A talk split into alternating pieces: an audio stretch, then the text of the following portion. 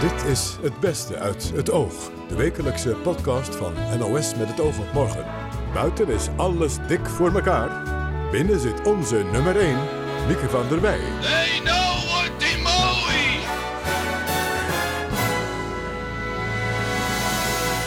Hartelijk welkom bij deze podcast van het Oog, waarin wij weer bijzondere gesprekken hebben verzameld van de afgelopen week. Joris van Kasteren schrijft voor mensen die eenzaam zijn gestorven. Zwaar werk. Het is echt zo surrealistisch. Het is Ja. bizar. Het is, Ja. het is gewoon ja, bijna horror, schrijf ik ergens. Cabaretier Claudia de Brij is vaak boos, heel boos. Laatst nog toen ze een bericht las over de moord op een vrouw.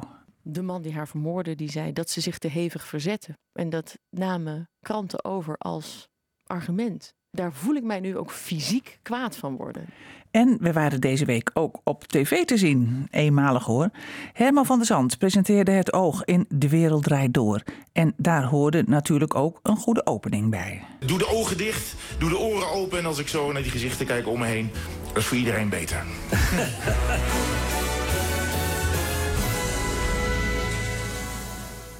Stadsmariniers, had u daar wel eens van gehoord? Dat zijn een soort superambtenaren. In Rotterdam aangesteld om criminaliteit en ondermijning aan te pakken. Chris Keijne vroeg aan Marcel de la Haye wat stadsmariniers nou zo geschikt maakt. Ja, dat, eh, dat zou je mijn werkgever moeten vragen. Maar het zijn in ieder geval eh, mensen die eh, een vrije rol hebben, die eh, wat begroting meenemen, die het geleende gezag van de burgemeester hebben. We werken direct onder eh, burgemeester Abu Talib. Aha. Ehm, en eh, zijn eh, in staat om in de wijk, hè, we zitten ook eh, vaak op de slechtste plekken, Ja. het verschil te maken en te zien wat er aan de hand is en te zien wat er nodig is. Ja, als we het over slechtste plekken hebben, dan gaat het in dit geval over eh, Rotterdam-Zuid. hè. Ehm, wat is daar het probleem?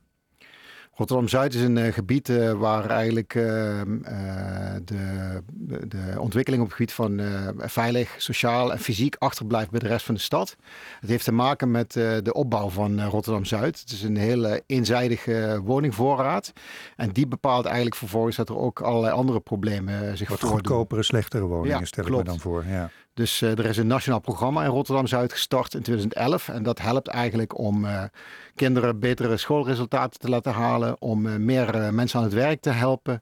En ook om die woningvoorraad wat diverser te maken. Ja. Maar al die programma's gaan niet lukken als de ondermijnende criminaliteit daarin de boel verstiert. Ja. Dus dat is onze taak om met de partners en met OM, politie, belastingdienst, maar ook met de bewoners en ondernemers van de stad.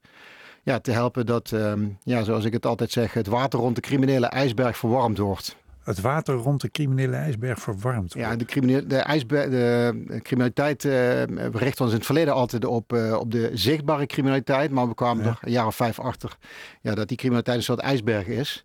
En ehm, ja, als je dat water onder de oppervlakte ook wil eh, eh, aanpakken, dan, eh, ja, dan moet je niet alleen hakken in de top, maar vooral het water verwarmen. Hmm. En dat gebeurde in Rotterdam door interventies eh, van politie en justitie natuurlijk, maar ook het signaleren, ook het voorkomen en ook het stimuleren van positieve ontwikkelingen. En met name door het Nationaal Programma Rotterdam-Zuid Ja. Op het gebied van schoolwerk en wonen. Dus hoe werkt het? Laat ik het zo vragen. Hoe ziet een eh, gemiddelde werkdag eruit voor u? Oh, dat is elke dag anders. u loopt de straat in en dan? Ja, ja, we lopen sowieso ook vaak eh, inderdaad op straat. Ja. Eh, we spreken daar eh, met bewoners, we spreken met ondernemers. Eh, en, eh, we doen graag een knock en talk. Hè. We stappen ergens binnen en maken een praatje. En soms kom je dan achter dat het niet helemaal klopt. Zo ben ik een keer een eh, restaurant binnengelopen waar ik wat twijfels over had. En ik vroeg, eh, joh, ik krijg dit weekend mijn familie uit Limburg op bezoek. Ja. En ik wil met ze hier gaan eten. Mag ik de menukaart zien? Eh, dan kan ik bedenken of ik hier met ze wil gaan eten. En het duurde misschien wel tien minuten voordat die eigenaar een menukaart kon tevoorschijn toveren. Nou, dan heb ik wel de sterke indruk dat er andere dingen gebeuren. En wat is dan- de volgende stap? nou, de volgende stap is dat je met de informatie van al die diensten, hè, van de politie, van de Belastingdienst, eigenlijk ja, de puzzelstukjes bij elkaar legt. Kijkt wat er aan de hand is. En vervolgens ook met die partners bekijkt wie de beste papieren heeft om eh, het eh, probleem dat je aantreft eh, op te lossen. Of dat het OM moet zijn, of, Ja. de, of de politie, Ja, of de Belastingdienst. Ja. Of, Gemeente Rotterdam zelf kan natuurlijk want ook met al die doen. diensten hebben jullie contact vanaf de straat. Ja, dat is de alliantie met wie we samenwerken. En Mhm. natuurlijk ook met ondernemers en bewoners. Want vaak hebben die ook deel van de sleutel van de oplossing in hun handen. Ja, Ja, maar er zijn vast ook ondernemers en bewoners, bijvoorbeeld de, de, de ondernemer van dit restaurant, die het niet zo leuk vinden. Wat, hoe reageren die op jullie? Nou, het grappige is, ik heb met zulke ondernemers altijd een buitengewoon plezierig gesprek. En ehm, ik leg ze dan uit dat we al deze activiteiten ontplooien om de eerlijke ondernemers eigenlijk eh, een steuntje in de rug te geven.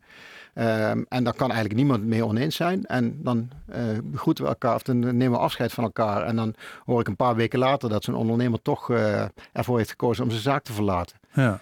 Dan... Ik, las, ik, las, ook ergens iets over één straat waar wel twaalf juweliers zaten of zo. Ja, daar begon het eigenlijk mee. Vijf jaar geleden toen uh, constateerden we dat er uh, ja, in één lange winkelstraat uh, ongeveer 15 juweliers zaten. In een van de armste gebieden van Rotterdam. Dus dat was wel heel opvallend. Dus daar stapten we ook naar binnen en gingen we op, ja, op, op controle. we spraken ook met die mensen. Eentje daarvan beweerde dat hij het jaar daarvoor 11 miljoen euro omzet had gedraaid. Maar de buurtagent die ik daarna sprak, die zei ja, ik zie daar eigenlijk nooit iemand naar binnen wandelen. Nee. Ja, en dan heb je een interessante casus te pakken. Maar dan zeg je het al, de buurtagent, die valt dat natuurlijk ook op. Waarom zijn jullie nodig? Waarom gebeurt dat niet gewoon door de diensten die er al zijn eigenlijk? Nou, uh, dan moeten we even terug in de tijd. Want vijf jaar geleden waren we nog vooral heel erg bezig met uh, het, uh, het verbeteren van de veiligheid op straat. Hmm. We waren toen heel erg bezig om de stad veiliger te maken. En de zichtbare criminaliteit, daar hadden we het al heel druk mee.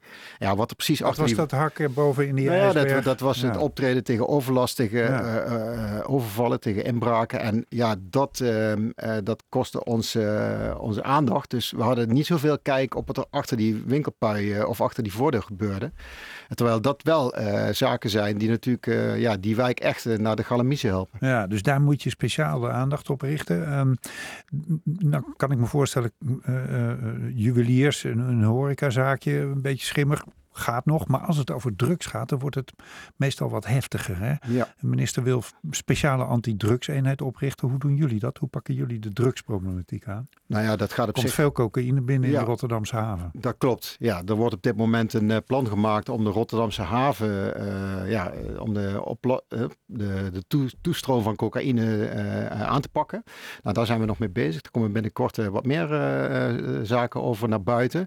Ehm, ja, in de wijken betekent dat ook dat dat we ons niet zozeer richten op de straatdealertjes, hè, want die werden altijd wel aangepakt. Maar met name ook op de families in de tussenhandel. Want die waren altijd ja, eigenlijk te groot voor het uh, servet en te klein voor tafellaken. En die schoten er altijd, slipten er tussendoor. er altijd tussendoor. Mm.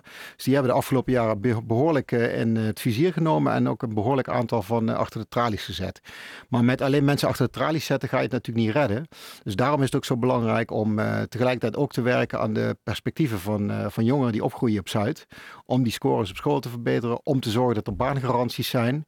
En ook om te zorgen dat die mensen met wie het goed gaat in Rotterdam-Zuid kunnen blijven wonen. Ja. Want wat je nu ook ziet door die eenzijdige uh, uh, samenstelling van de woningvoorraad. Dat mensen met wie het goed gaat, ja, die moesten in het verleden de wijk verlaten. En alle positieve rolmodellen die vertrokken zo. En eigenlijk door het uh, bouwen van, van dure woningen kunnen die mensen nu in hun eigen wijk blijven. En zie je dat wijk als Katendrecht, maar ook de Afrikanerwijk echt ja. langzaam maar zeker flinke stappen vooruit maken. Ja. Maar eigenlijk staat dit verhaal een beetje haaks op wat de minister lijkt te willen, namelijk een speciale antidrugseenheid. Jij, jij u, jij, ja. zegt, nou, zegt juist, je moet met zoveel mogelijk mensen zo breed mogelijk samenwerken op allerlei facetten. Ja, volgens en mij je niet alleen op het aanpakken van uh, die drugshandelaren. Ja, de, de, minister zegt drie dingen. Hij zegt, we willen zo'n team. We willen uh, ook juist die, die bredere aanpak. En we willen uh, geld wat we afpakken van criminelen terug pompen in de wijk. Dat willen ze in ieder geval gaan onderzoeken. Daar zijn we heel blij mee. Uh, die brede aanpak, daar zijn we ook heel blij mee. Het drugsteam, ja, dat is een iets ander verhaal. Het probleem is dat het een eenmalige uh, ja, uitgave is. Ja. En met die eenmalige uh, injectie kunnen we, kan de politie geen personeel aanschaffen. Dat zegt je burgemeester ook, hè? Ja, vandaag. klopt. En juist daar ligt ons probleem. Hè. Dus de politiecapaciteit is zeer schaars. Ja. En ehm, ja, we, we, zien toch dat het gaat wringen. En als er zo'n team moet worden samengesteld, ja, dan gaan ze toch kijken in de uh, ja, bestaande politiecapaciteit. En dan ben ik toch een beetje bang dat uiteindelijk de wijkpolitie eronder komt te lijden. Terwijl die juist zo ontzettend belangrijk is om ook uh, de wijk goed te kennen, te weten waar de problemen spelen en daar ook in een allervroegst stadium, stadium te, te kunnen optreden. Iedereen verdient een waardig afscheid, ook mensen die in eenzaamheid zijn gestorven. Namens Stichting Eenzame Uitvaart verdiept Joris van Kasteren zich in hun leven en leest hij een speciaal geschreven gedicht bij de uitvaart voor. Aan Wilfried de Jong vertelde hij over zijn meest indrukwekkende ervaring. Ja, dit is eh, een hele afwijkende. Hoewel natuurlijk elke eenzame uitvaart is afwijkend, want Mhm. vreemd. Maar ik had nog niet eerder eh, met een baby te maken gehad. En daar gaat het dus in dit geval Want je hebt er al hoeveel gemaakt? Dit is de twaalfde. Oké, ja. En ja, deze, dit, is, dit is heel bizar. Dus je moet je voorstellen, ik word dan gebeld door de, het bureau van de gemeente. Want de gemeente heeft de plicht om iemand te begraven als er geen nabestaanden zijn. En meestal gaat het dan om vereenzaamde mensen die geen familie hebben die dat wil doen. Eh, maar in dit geval kreeg ik dus een telefoontje. Ja, het, het gaat om een, een baby eh, op straat geboren. In en- Amsterdam, hè? in Amsterdam. Ja. En eh, de baby ja, is, is dood en de moeder is er vandoor. Dat is het eerste wat ik hoorde. Ja, en dan ga je natuurlijk allerlei voorstellingen van maken. Maar dan na heel lang... Of nou ja, ik had niet heel veel tijd natuurlijk, want je hebt altijd maar een paar dagen voor die uitvaart. Ja. En toen ben ik toch eh, ja, met de regisseur gaan praten en met mensen die getuigen waren in de pijp waar het gebeurde. En het is, ja, de vrouw leidt, zeg maar, de moeder leidde een dakloos, eh, of hoe zeg je dat, was, was zwervende. En ja, ja wil je het hele, dat ik het hele verhaal vertel? nou, hoeft niet helemaal, het- niet het- heel geheel. ik vind het nog steeds moeilijk om over te praten. En de manier waarop ik het heb opgeschreven, omdat het is echt zo surrealistisch. Jij, weet jij hebt het gelezen, Ik toch? heb het gelezen, ja, het komt Het is ja. bizar. Het is, Ja. het is gewoon ja, bijna horror, schrijf ik ergens. Maar ook, Dat ook is, maar maar de, de vrouw surreal. loopt eigenlijk met, eh, met, met het dode kind buiten Ja. haar lichaam. Ja, als ze een had het niet door. beeld, als een soort rode bal. Ja. Loopt ze door de straat te zwalken. En ze had het zelf niet door. Ze had het niet door. Het, kind was al 28 ja, weken. levensvatbaar. En het vreemde was, ik dacht ook toen ik het in eerste instantie hoorde van, nou ja, dat kind, dat, wie weet, eh, had, had het maar, de- de manier waarop zij leefde, zou je denken, dat, dat zou geen gezond kind zijn geworden. Maar toen bleek later bij de sectie dat het gewoon een gave baby was. Dus Ja. in betere omstandigheden, ja, eh, had ze kunnen overleven, want het was een meisje. Ja, en jouw werk is het dan om als schrijver, dichter, daar binnen een paar dagen een, een, een gedicht Ja, of een zij- tekst voor te maken die je voordraagt Ja. tijdens de begrafenis. Ja, en de gemeente vroeg nu of ik het zelf wilde doen, wat een hele gevoelige zaak was. Want die baby, dat was het, het bizarre. Zij wisten, die, die vrouw, die is dus het ziekenhuis eh, gewoon uitgelopen. Ja. Maar ze had een valse naam, of ze had, ze had een naam opgegeven. En die naam eh, bleek later te kloppen, maar dat wisten ze toen niet. En ze had geen, en een verkeerd adres had ze gegeven. Dus het, het vreemde was, ehm, dat moest natuurlijk gecheckt worden. Want ze, ze moesten het DNA van de baby hebben. Ja, En dat werd gematcht met eh, iemand die inderdaad onder die naam, de moeder, in dat systeem voorkwam. Ja. En pas toen wisten ze dat 100% zeker. Ja. Dus het heeft een maand geduurd voordat het werd vrijgegeven. En Vervolgens sta je dan bij, bij, die, bij die begrafenis. Er staan een paar mensen. het, was, het was zo raar dit keer, want normaal komt er gewoon komt de auto voorrijden en dan zijn er zes of vier dragers bij, afhankelijk van het ge- gewicht van de overledene. Maar in dit geval kwam er een mevrouw aan, wel in een, een Mercedes met zes deuren, dat vond ik wel weer apart. Maar dat, het kistje had ze op haar schoot, een mevrouw van het uitvaartcentrum. Dat was heel ontroerend natuurlijk. Ja. En, eh, ja, en dan loopt, ze, zij liep met het kistje naar binnen en dan eh, naar de aula. En ik moet ook altijd muziek uitkiezen, dus Ja. dat, dat is dan ook Wat heb je gekozen? ja, de, de kinderscène natuurlijk dan. En, ehm Van? ehm, eh, Schumann, toch? Ja. Als ik het goed zeg. Ja, ik, ik ben daar geen held Ja, in ja, ja, ja, ja. Nee, ja, ja ik, ik, ik- elke keer als ik aan dit verhaal denk, dan, eh, dan raak ik ook even mijn paraat. Misschien moet je gewoon even, want je hebt daar dus een gedicht voor gedragen op dat moment. En, en dat heb je voor je liggen. Dus ik zou zeggen, waag een, eh, waag een poging. Ja, het, het speelde zich dus in de pijp af. Hè. De Gerard Douw staat ook zo vreemd midden in zo'n ja, hippe straat en op een, op een donderdag. Ja. Beeldwit. Je moeder, pils vogeltje, droeg een spijkerbroek en een zwarte jas. Had ze bedwelmd niet, niet in de gaten dat je er al was. 28 weken. Je kwam gehelmd en ging. De pijp, september donderdag. Wegsleepregeling, parkeerverbod, het pand in de steigers.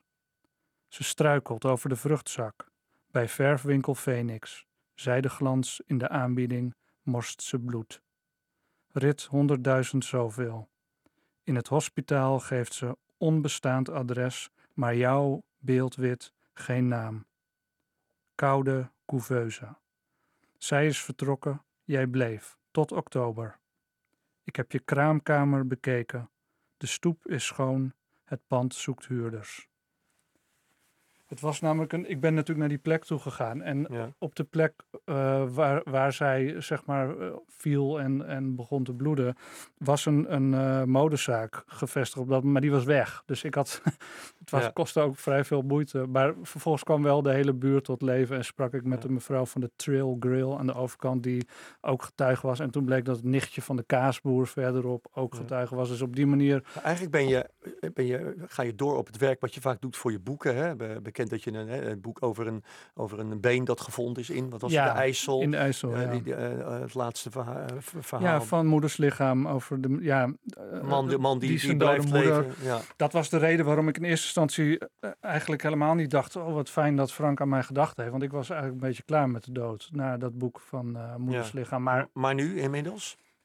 Ja, met de dood is niemand klaar Mm, natuurlijk. Nee, en, eh, maar ik dus al helemaal niet. Maar wat, weet je wat, wat heel fijn is? Als het lukt, zoals ook in dit geval, als ik er zeg maar echt een, een verhaal op zichzelf van kan maken. Dus dat ik eigenlijk over de, het, het verdriet bijna heen eh, kan stappen. Of daar, daar kun je niet overheen stappen, maar dat het toch in een bepaalde vorm eh, wordt gegoten. Dat het stilistisch klopt, dan geeft me dat een heel goed gevoel.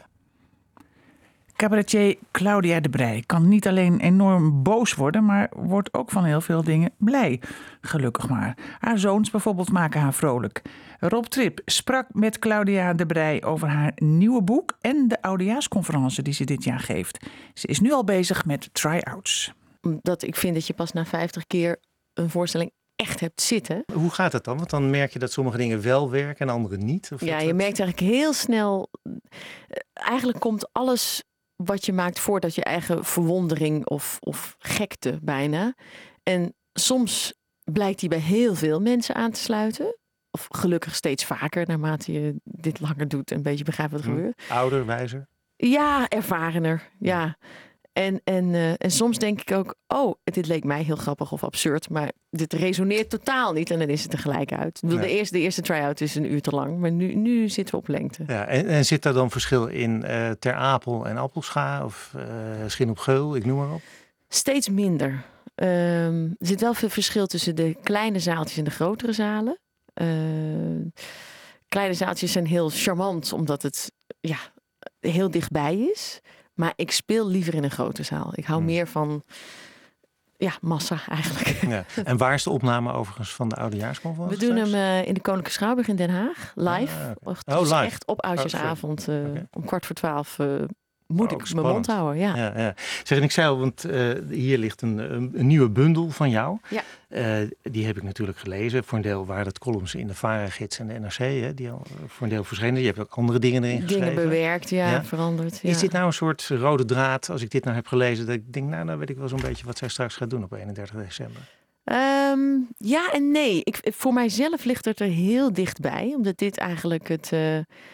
ja, ehm, dit is eigenlijk de klei waarvan, waarvan je die, die, die voorstelling boetseert. Dit zijn de gedachten. Die, dit is wat mij de afgelopen paar jaar, eigenlijk Mhm. niet alleen dit jaar, heeft bezig gehouden. Ehm, anderzijds, ik sprak vandaag iemand die de voorstelling had gezien en zei: Nou, ik had nou niet. Ik kwam eigenlijk niks tegen uit de voorstelling. dus dat is, voor Nee. mij ligt dat heel dicht bij elkaar, omdat het gaat heel veel uiteindelijk over. eh, ehm, eh, marktdenken en over eh, de democratie die naar mijn idee eh, het zwaar te verduren heeft en misschien wel in gevaar is. Ja. Is dat het vooral wat hierin zit? Want ik vat het eigenlijk ook op een soort pleidooi voor mildheid. Voor... Ja, dat is het zeker. Maar ik denk dat die dingen met elkaar te maken hebben. Ik denk Want daarom dat ik ook zei, want ja, ouder, wijzer, ervarener. Ja, ehm, ouder en wijzer, dat weet ik niet. Want ik merk ook dat ik naarmate ik ouder word ook dwarser word. Want er zit, ja, want er zit een heleboel grappige invallen in. Het stuitert alle kanten op. En een aantal dingen ook waar je heel erg boos blijkbaar om bent. Hè? Ja, ja, ja. Noem eens wat. Goh, ehm, nou, het, het is ook steeds meer nodig, denk ik, om boos te zijn. Nou, bijvoorbeeld, ik denk dat het boosste stuk heet... laten we de dingen noemen wat ze zijn. En dat heb ik geschreven ehm, doordat ik eh, las over het meisje, Belgische meisje... dat dit jaar is verkracht en vermoord. Haar, ehm, de man die haar vermoordde, die zei dat ze zich te hevig verzette. En dat namen kranten over als argument. En daar, weet ik, daar, word ik, daar voel ik mij nu ook fysiek kwaad van worden. Dat, en dat heb ik doorgetrokken naar een aantal andere eh, voorbeelden van hoe, hoe taal, ehm, hoe, Hmm. hoe verkeerde taal wordt als het gaat over, eh, ik noem maar iets, in Zuid-Afrika wordt eh, iedere drie minuten een vrouw verkracht. Ik denk, nee, het regent. Het is een natuurverschijnsel. Maar er wordt Mannen geen vrouw- verkrachten. Precies, iedere Ja. drie minuten kiest een man ervoor een vrouw te verkrachten. Dat is iets heel anders. Eerwraak. Wat nou eerwraak? Met welke, wie zijn eer heb ik hier te maken? Dat is de moord op een zus. Zustermoord, niet eerwraak, weet je wel? Nou, Kees ik van der heel- Staaij, was je daar nou ook echt heel boos over? Nee, ik zou En wat hij zei over de Nashville-verklaring. Over het... Kijk, ik zou op, op een gegeven moment denken... Nou, jeez, ja, weet je, in die hoek weet je dat wel. Dat ze dat ja, dat zeggen veel mensen. Ja, en dat Maar- vind jij niet. Nou, als ik, als ik van, bedoel, ik kan van Saoedi-Arabië ook wel denken, ja, eh, daar mogen vrouwen niks. Dat betekent toch niet dat het oké is? Ja. Als, ik bedoel, ik, ik respecteer Kees van der Staaij. Ik had het idee dat hij mij respecteerde. Maar moet ik, moet ik serieus met iemand praten die mij mijn gezin niet gunt? Ja. Moet ik dan denken, ja, zo zijn ze nou eenmaal? Ben je? Heb je inmiddels met hem gesproken? Nee, hij mag mij uitnodigen en dan naar mij toe komen deze keer. Ja. Maar ik denk dat eh, de, het ritueel van het kopje koffie komen drinken zijn we wel voorbij. Als je, als je eigenlijk het bestaan van mensen die een andere geaardheid hebben dan jij ontkent, dan ga je wel voorbij het kopje koffie. Dan is er wel iets meer nodig. I- Is er, is er wat dat betreft iets wezenlijk anders geworden in Nederland, wat dat betreft? Want Kees van der Staaij staat natuurlijk voor een groepering die er al heel lang is. Ja, en ook dat die, geluid die was mij er op zich heel best, best eh, dierbaar is. Ik bedoel, ik vind ook dat dat, dat verschil in opvatting is heel, heel belangrijk en moet je ook koesteren. Maar er is wel iets veranderd, want eh, Kees van der Staaij, de SGP, daar kun je dan van zeggen dat is een soort authentiek geluid. Maar die Nashville-verklaring is een eh, geïmporteerd Amerikaans evangelistisch family values verhaal. Dat eh, helemaal niet zo eh, zuiver en op de Bijbel gericht is, maar dat te maken heeft met stemmen winnen in een bepaalde hoek. En ik vind het eigenlijk een heel smerig, smerig clubje. Eh, is er iets waar je vrolijk van wordt? Ja, er is vooral veel waar ik vrolijk van word. eens. Een van de dingen eh, waar ik over heb geschreven, eh, dat is een, ehm, een verhaal over, eh, over mijn eigen zoons. Die, ehm, daar zitten er meerdere in trouwens. Maar een ervan gaat over hoe ik een briefje vond op de kamer van de een 's ochtends. Waarop stond sorry met één R. Zullen we het weer goed maken? En ik zag dat de ander een R ertussen had gezet. Heel bedweterig en twee jaar ouder. Is dat zijn moeder? Die inderdaad, hè? Ja, taalkundig? Ja, Ja, nou, gewoon bedweterig en Oh, twee, bedweterig. twee klassen verder. En daaronder zetten eh, oké. En, en eh, dat vond ik een heel mooi voorbeeld van hoe je soms... Nou, neem Kees van der Staaij en mij. Op een gegeven moment, uiteindelijk moet je... ondanks wat je met elkaar eh, uit te vechten hebt, zeggen... ja, maar oké, nu is het, ik noem maar wat, oudjesavond... of nu hebben we iets te vieren. Laat het even daar. Zullen we het goed maken? Zullen we even samen verder gaan voor nu? Betekent niet dat je over je verschillen heen hoeft te stappen... Maar ik vind dat wel een heel mooi, vrolijk voorbeeld van. Soms kun je ook even je principes ehm, even op het tweede plan zetten. En dan eindigt jouw bundel met eh, een stuk Was ich nog Zusage hätte. Ja, Daar spitst iedereen de oren en de ogen natuurlijk hier op de redactie. ja, En dan haal je Max van Wezel aan. ja. Onze dierbare Max. Ja, ik, ben, eh, ik, ik, ik luister heel veel naar dit programma. Want eh, zeker nu met de oudejaars, dan ben ik om 11 uur klaar om in de auto te zitten. En dan als de tune begint. Ja, dit is, dit is, eh, dit is de eindtune van mijn dag. Ehm, en en Max was mij, daar was ik erg dol op. En ehm, ik heb dingen geluisterd, teruggeluisterd. ook vanwege de oudejaars. Omdat ik hem, als je het over democratie hebt, is hij ook een belangrijke stem. En zijn laatste woorden op de radio waren: ehm, wees mild voor elkaar. Eh, hij zei: Ik heb zo lang rondgelopen in Den Haag en het zijn niet allemaal zakkenvullers. En ik heb allemaal eh, van plakband aan elkaar hangende compromissen gezien, of ik weet niet hoe hij het precies formuleerde. Maar wees mild voor elkaar. En dat, nou, dat neem ik graag over. Mooie woorden van Claudia de Breij. Ze kwamen uit in onze eindtune. En die tune was trouwens ook te horen in De Wereld Draait Door. Het oog op televisie, wie had dat gedacht? De Wereld Draait Door vierde 100 jaar radio in Nederland met een speciale uitzending. Herman van der Zand had de eer om namens het oog het legendarische duo Curry en Van Inkel te interviewen. radio op tv, dat is altijd lastig. Eh, ik stel voor thuis, eh, doe de ogen dicht, doe de oren open... en als ik zo naar die gezichten kijk om me heen, dat is voor iedereen beter.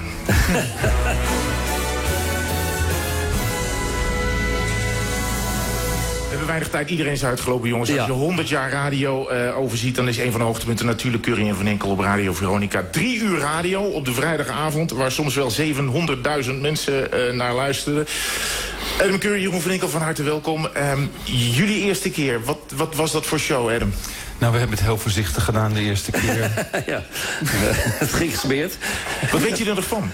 Sorry, wat zei je? Wat weet je er nog van? Nou, eh, ja, we waren natuurlijk best heel zenuwachtig. En ik vond het ook heel moeilijk om eh, in dat grote bolwerk eh, van grijze radiomakers onze draai te vinden. Maar dat was ook een beetje wat er tussen ons gebeurde. Wij waren vrienden en wij zochten natuurlijk ook steun bij elkaar. En het werd een beetje, oké, wij met z'n tweeën tegen de rest van de wereld.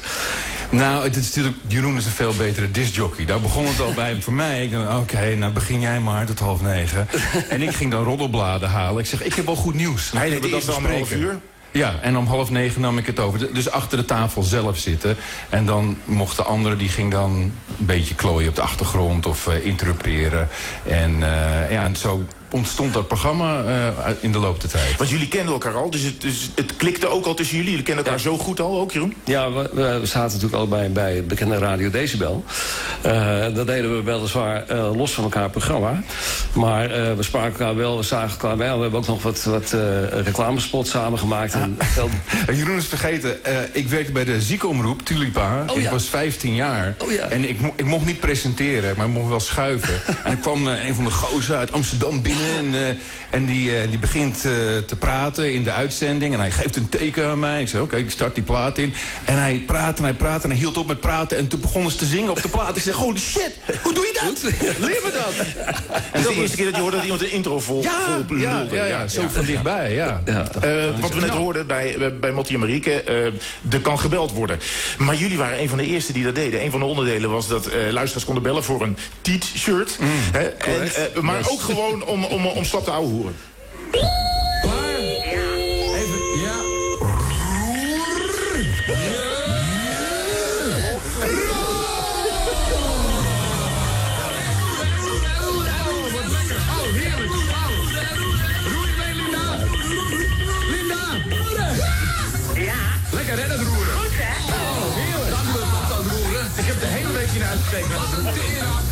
Er belt, dus, er belt dus iemand in, die, die wordt totaal niet aan het woord gelaten door jullie. Nee. Terwijl het is, jullie zeggen, we maken radio zonder flauwekul. Maar dit, was toch, dit is toch allemaal idiotie bij elkaar? Ja, dat was ook een beetje het probleem uh, dat wij uh, vaak op het mandje moesten komen bij uh, Lex. Want de subtitel was Radio zonder flauwekul. En wij probeerden zoveel mogelijk flauwekul erin te doen. Want ja, dat vonden wij leuk. En we merkten dat dat ook werkte. Ja, jullie hadden natuurlijk ook de, de subtitel Gevaar... Romantiek, gevaar en lust. Dat was hem, dat was hem. Romantiek, gevaar en. Adam, wat is er goed, uh, wat, wat is er goed aan Jeroen? Alles is goed aan Jeroen. nee, echt, echt waar. Het is, we, we, kennen elkaar nu, we, we, bijna 40 jaar uh, werken we samen. En we zijn nog steeds vrienden. En uh, we zijn uh, gaan nu een Curry van Inkel podcast, een soort eer aan onszelf. Jullie hebben een podcast radio. Gemaakt, ja. ja. ja. Curryvanwinkel.nl Even een plug, sorry. Waar blonk hij in huis? Uh, nou, hij is natuurlijk een hele intelligente man. Hij heeft een bizarre humor. Is ontzettend snel.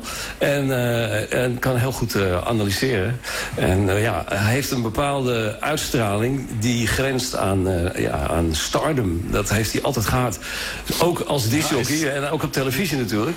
En dat, in, die, in die fase was hij op televisie met Countdown. Het werkte als een dolle. De combinatie op tv zijn als radiomaker... werkt natuurlijk ook heel erg goed. Ik ben blij dat je dat zegt. Want ik wil ook van dit programma een springplank maken... naar het presenteren van het Songfestival. Daar hebben we geen tijd voor. Daar hebben we geen tijd voor. Hebben we geen tijd voor.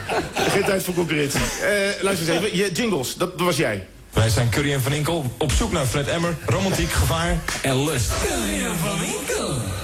Die jongens zijn er leuk bezig. Ga even zitten, haal even die adem.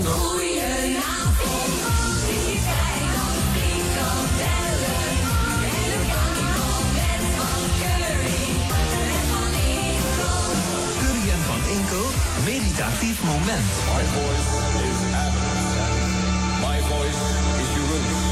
Ja. Mine is the last voice you'll ever hear. Jullie zitten op die gekke vrijdagavond, want dat was helemaal geen tijdslot waar je normaal in terecht wilde. Uh, klopt. Uh, Omroep die wilde liever om vijf uur naar huis op vrijdag. En beginnen aan het, uh, aan het weekend. dus dat was helemaal geen geliefde plek eigenlijk. Het is vijf voor twaalf. Terwijl, oh, we, we, we moeten mee ophouden. Ja, ja het, is, het is vijf voor twaalf, dus ja, zijn we klaar. Dat is jammer. Jullie missen elkaar? Uh, ja, absoluut. Ja, maar we gaan af en toe die podcast samen doen. Dus dan uh, uh, kunnen we weer samenwerken op die manier. Oké, okay, dank dat jullie er waren, jongens. Kun je van Enkel? Applaus voor Herman en zijn gasten. En ook voor de radio natuurlijk. Dat was hem weer, onze weekpodcast. Tot de volgende week. Dag. Gute Nacht, Freunde. Es wird Zeit für mich zu gehen. Was ich noch zu sagen hätte, dauert eine Zigarette und ein letztes Glas im Stehen.